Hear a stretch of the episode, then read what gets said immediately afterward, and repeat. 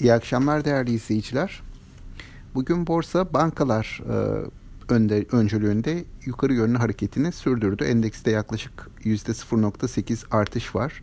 Böylece BIST 100 endeksi de günü 1350 puan seviyesinde kapatmayı başardı. E, bu seviye malum e, güçlü bir direnç olarak görülüyor. Bunun üzerinde kapanışlar devam ederse yukarı yönlünün hareketin devam edeceği varsayılıyor. E, hatta seans içerisinde 1360 seviyeleri de görüldü. Banka sektör hisseleri e, bir ara gün içi %4-4,5 seviyelerinde kadar günlük artış gösterdiler. Kapanışı da yaklaşık %2,5'luk e, artış ile gerçekleştirmiş oldular. Baktığımız zaman e, bugünkü dinamiklere Avrupa Birliği Bakanlar Kurulu toplantısından gelen haber e, önemli etkiye sahip oldu borsada özellikle banka hisselerine alış gelmesinde. E, burada malum Avrupa Birliği bakanları Türkiye yaptırımları konusunu görüşmek üzere toplanacaklardı. E, burada Türkiye'ye etkileyecek bir karar alınmadan e, tamamlanmış oldu bu toplantı.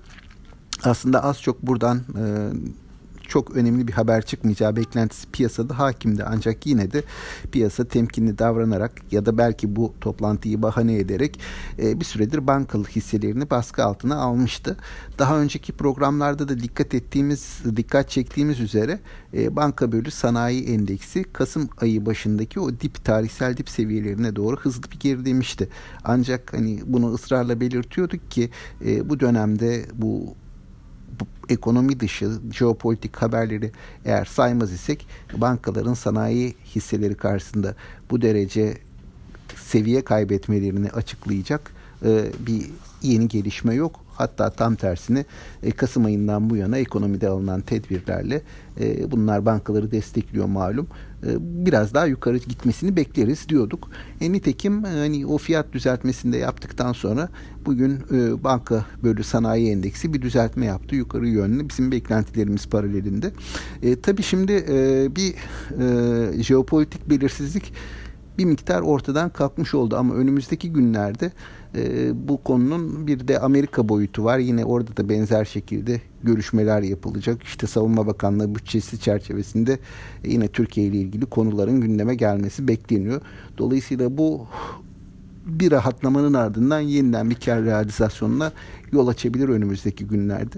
O açıdan yatırımcıların temkinli hareket etmelerinde fayda olduğunu düşünüyorum.